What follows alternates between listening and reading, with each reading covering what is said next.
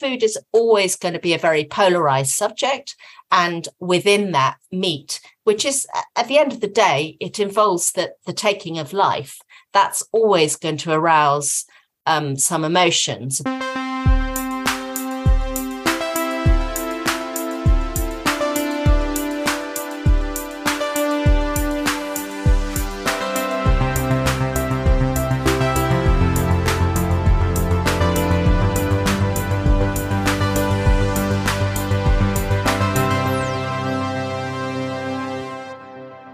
So, welcome back to the podcast, Heja Framtiden, the Swedish podcast on the future.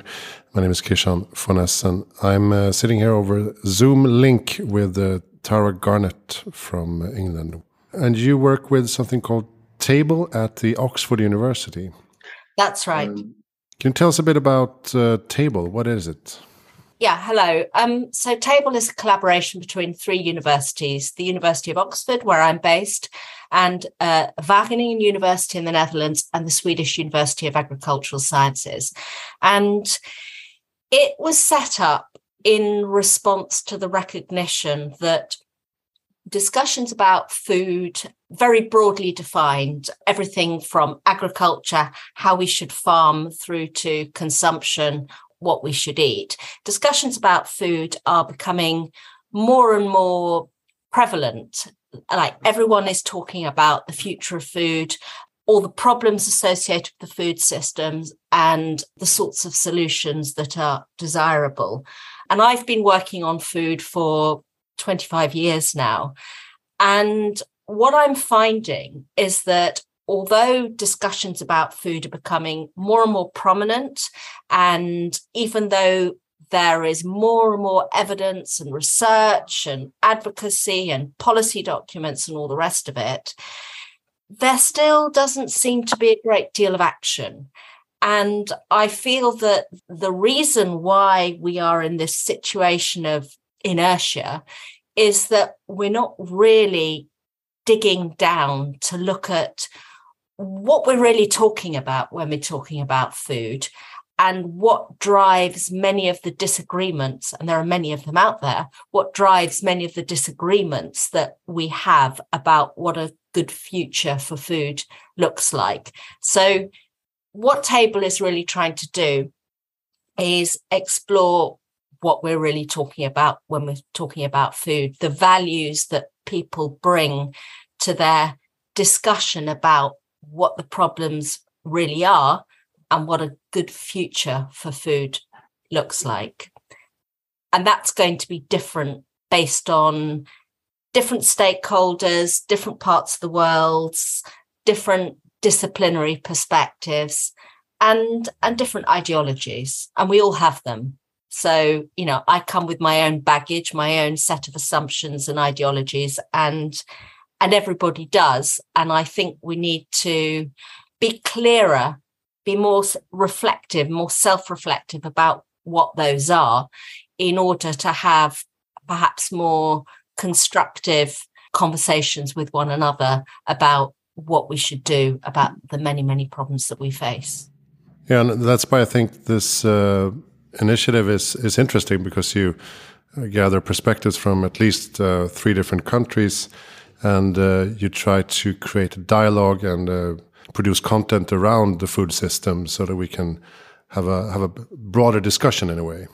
Yes perhaps i could say a bit about the, the approach that we take. So yeah. although we're based in academic institutions what we try and avoid doing is producing lots of peer reviewed academic journal articles that only academics read.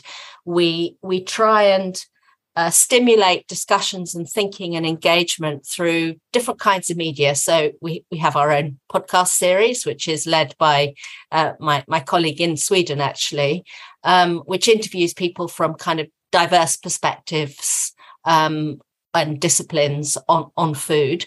Um, so we have a podcast series. We obviously produce lots of written outputs.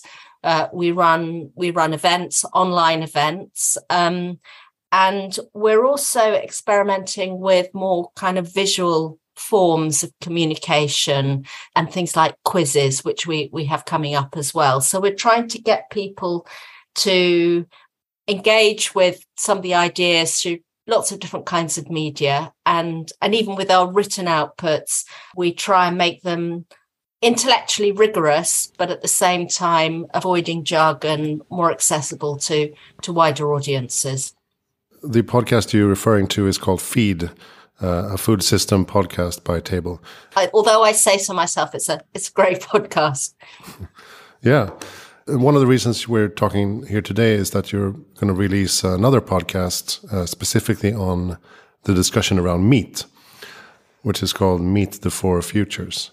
And as far as I understand it, it's it's based upon a paper that you wrote with the title Gut Feelings and Possible Futures. Can you tell us a bit about that paper and what you discovered? Yes. So I actually wrote this paper back in 2015 Oh, okay. Say I've been working on food for some years now. And over the course of that time, all the discussions seem to converge around livestock and and meat and dairy. And I talked to lots and lots and lots of different people. And depending on who I was talking to, I I felt I was seeing many very different and sometimes very conflicting analyses of what the problems with livestock really are and what we ought to do about them. So, if I were to be kind of really, really simplistic, I saw three kinds of problems that were articulated about the food system. One is that our problems are that we have more people on the planet and we need more food. And in order to produce this more food, we need to get more technologically sophisticated. We need to produce more food with fewer inputs. So that was one vision.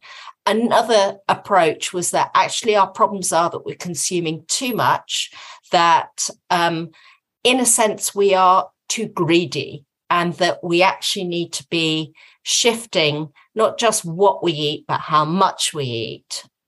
And then there was a third perspective, which saw the problems not as one of too much or not enough, but too much inequality, that the idea that the, the risks and the costs and the benefits of the food system were unevenly distributed, and that what we needed was a more um, social justice lens on our problems. And this, if you sort of took them all together, gave rise to four different argued futures about the future of meat based on different assumptions, analyses of the problem. So, one of the futures was the idea of, based on this sort of efficiency perspective, that the global population is growing. It's demanding more meat that goes hand in hand with greater affluence, that that is inevitable. It's possibly desirable because meat is a nutrient dense food. So, what we need to be doing is meeting this demand by producing more meat with less impact.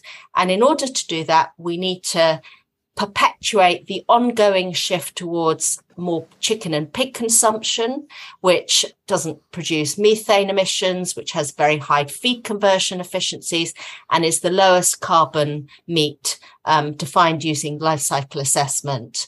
And that, that with technology, with better feed formulations, with better breeding, and so on and so forth, we can meet this greater demand through more efficiency of production. So that leads you more to a kind of concentrated feedlot production kind of scenario. There was a second framing, again, which you see in the discussions, which is takes as its starting premise uh, the idea that we have more mouths to feed, people want more meat, but takes ideas about efficiency to its logical conclusion, which is do we even need the animal? That we can produce meat or meat like substances using technologies such as uh, cellular agriculture, uh, fermentation, all these sort of alternative proteins, and that we can not only produce more meat, but more healthy kinds of meat at far, far, far lower environmental costs using less land, fewer resources, and so forth.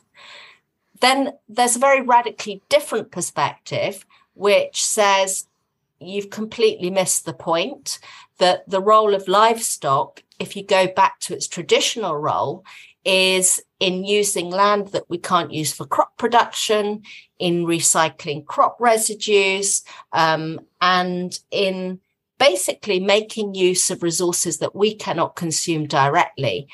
And they have a really important role to play in recycling nutrients. Then their manure can contribute to soil fertility, and that we need to take a sort of livestock on leftovers, circular economy, regenerative agriculture sort of approach to the role of livestock in our diets. And if we do this, we may have to shift our consumption, but what we can be doing is harnessing all the benefits of livestock without the harm. So instead of going down an efficiency route, which leads you to a kind of intensive poultry and pig production, we need to get back to more ruminant production since these are the animals that can recycle all these residues. So that's a third scenario. And then a fourth scenario is, you know, we don't need animals at all, that we need to really radically shift our consumption patterns, that this idea that we need more meat is a human construct that is to do with cultural assumptions that are always changing. Our diets have always changed, and that we need to shift back or perhaps forward to a more entirely plant based scenario based around sort of whole grains and the benefits of kind of plant based foods. So, those are the four scenarios that I put together. And if I were to be completely honest, I, I did it almost to almost to amuse myself because I saw all these discussions, depending on who I was talking to, I'd had some sympathy with their perspective, but also a lot of, you know, there were always problems with all the perspectives. Mm. What I wanted to do was explore what might happen if you tried to kind of articulate a world in which that scenario were taken to its logical conclusion and what what the problems would arise and of course there are problems with all those four scenarios. So that's what I did. And and that report seems to have caught the imagination of people for you know for some reason perhaps it, it resonates with them and what we tried to do with this uh, new podcast series is is take it forward and try and find and explore those scenarios in more depth by finding uh, speakers who represent these different visions and try and talk with them to understand what the best possible version of that scenario might look like. And it's also trying to engage our audience with helping them, uh, sort of prompting them, inspiring them to to reflect upon their own assumptions and where they might sit in those scenarios. And of course, as with all scenarios, they're really, really simplistic. You know, here are four. And of course, the future is never one thing. The present is certainly not one thing. And and one can one can see a role for all those scenarios in different parts of the world in different contexts. But for most people, I think the balance will be in one direction to a greater extent than in another direction. Yeah. So in the episodes, you will dive deeper into each and every one of these uh, scenarios. This type of discussion will almost always become polarized and kind of infected. Why do you think this is such a difficult topic to to bring up? Well, I think food in general is a difficult topic because it is so so personal. I mean, we are obviously having lots of discussions at the moment about the energy crisis, the cost of living crisis, and you know anything can be political. You know whether you drive a car, um, how much you heat your home. These things are always, when it comes to shifting lifestyles, um, these things are always going to be political. But food is so personal in a way that your boiler might not be so personal and because there's culture there's identity there's the first tastes you had as a child. Obviously, when it comes to livestock, and meat has always been one of those foodstuffs that people use within their cultures to differentiate themselves from other people. So, meat can be taboo, not taboo, it's reserved, it's not allowed on particular religious occasions, certain religious traditions, you know, avoid certain types of food, whether that's pork or beef or whatever it might be. So it's all bound up with our cultural identity, our beliefs, and then you layer onto that ideas about animal welfare and the fact that livestock farming is not only a, an employer of of people, but it's also an employer of people who have shaped our landscapes in ways that we have come to to value, or at least in our imagination, even people who may not be that particularly familiar with present day um, animal farming or indeed farming in general. So I would say food is always going to be a very polarized subject. And within that, meat, which is at the end of the day, it involves the, the taking of life. That's always going to arouse um, some emotions about, you know, what's morally permissible. And, and obviously, people like meat. Meat tastes really, really good. Um, it comes with a whole set of nutritional qualities, which again, people pull and push in different directions to argue that it's vital, it's essential, it contains all these micronutrients, it's a rich source of protein. And then other people pull in another direction to say, you know, it's got saturated fat in many, many forms. It can contribute to a whole load of health problems like, you know, heart disease or what, cancer, whatever it might be. And those debates run and run. So yeah, it's it's almost like at the epicenter of a set of concerns that are just very, very polarized in general. Yeah. And do you, as a researcher, see any one of these uh, scenarios as uh, more viable than the other? Or uh, do you try to abstain from those kind of opinions? I'm a human being and I definitely have my points of views. Well, I mean, I'm, I'm going to answer that question in two ways. So, first of all, I want, as a researcher and a, as a human being, to understand different perspectives and to also give people who have different perspectives from mine the benefit of the doubt that people are coming at things from a good place and that they want, like I do, to make the world a better place. Um, and and that we need to listen really, really carefully to why people argue what they argue, because I do feel that this polarization that we're seeing, not just in food, although certainly in food, is incredibly damaging and becomes very kind of shrill and and unhelpful. So I, as a researcher and as a human being, I very much want to hear and understand different perspectives and also acknowledge where my own assumptions and prejudices may be false or questionable. But to answer it in a second way, I would say that I have my biases. So the future that I have more sympathy with is actually a composite. It's a future in which we eat considerably less meat. Um, and I'm talking from a global north perspective here, um, where we eat um, a much more plant based diet, which is based around relatively unprocessed foods, more fruits and vegetables, more whole grains. I feel that to argue for less meat is certainly not to say no meat. I think meat has a role in in our culture, in our landscapes, but not at the level that it is today.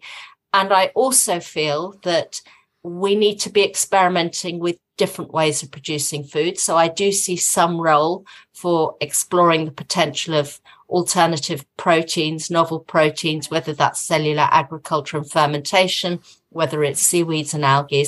I think we should always be open minded about um, their role. What I would not particularly want to see is a world where we jump from a, the, a sort of cultural imperialism of burgers and sausages even if it's in a plant-based form and i i think we have to also think about who is investing in these foods, who benefits and profits from these foods, and so forth. So I would say my future, my ideal future would be a composite of plant based with a little bit of the sort of livestock on leftovers and the alternative proteins. When it comes to the sort of more efficiency perspective, I have more concerns there, a lot of them from an animal welfare perspective, and also from the perspective that I would like to see a more structural approach to thinking about some of our health problems as well, um, which is not entirely to do with livestock. Absolutely not. It's to do with a shift towards less diverse diets based on heavily processed foods, which include livestock products, but are not certainly aren't entirely livestock products. So I would like to see a more systemic approach to it whether this is going to happen or not, because the trends are not going in the direction of the desirable vision that I've set out. Um, yeah, that's another thing. Okay. So, so uh, with the podcast, you hope to break this kind of polarization in a way? Yes. And, and, you know, I mentioned the fact that I have more reservations about the sort of efficient white meat pig and poultry future. So, what I'm particularly looking forward to on the podcast is to listen to the perspectives of people who who are advocating that future. And of course, of course, as a way of producing high, you know, high quality protein for people in low income countries at quite low cost. I can see the logic of that, but I, w- I want to see some of my assumptions challenged there. So I particularly look forward to their contributions. Great. Uh, I usually ask, uh, what is your best tip for making the world a better place in the future? I think my best tip would be to say, look around you at everything and and at things you take for granted and try and question them. So that's question normal is what I would what I would say. Great. Do you have any good uh, reading tip or podcast tip? It, when it comes to podcasts, I'm very big fan of the BBC World Service, so I listen to um, a lot of the stuff they produce. Um, I I like the Climate Question. Um, that's a very good podcast. I also love their Compass series, where they take an issue and they spend three or four episodes um, focusing on it. And they've got a current their current topic is focusing on actually on soils. So the climate question, I I very much enjoy as well. Great. Uh, thank you so much, uh, Tara Garnett from um, Oxford University um, and Table. And, and when will uh, this new podcast be out? Meat the Four Futures. An actual launch date hasn't been finalized, but you can sign up to receive notifications of it on the Table Debates website. And then as soon as it's out, you'll be notified. Great. Check out tabledebates.org for more information about uh, everything that you do there. All right. Thank you so much for joining me today at Heja Framtiden. Thank you for having me. And hejaframtiden.se for more information about the podcast and my other projects. My name is Christian von Essen, recording from Stockholm. Uh, thank you so much for listening.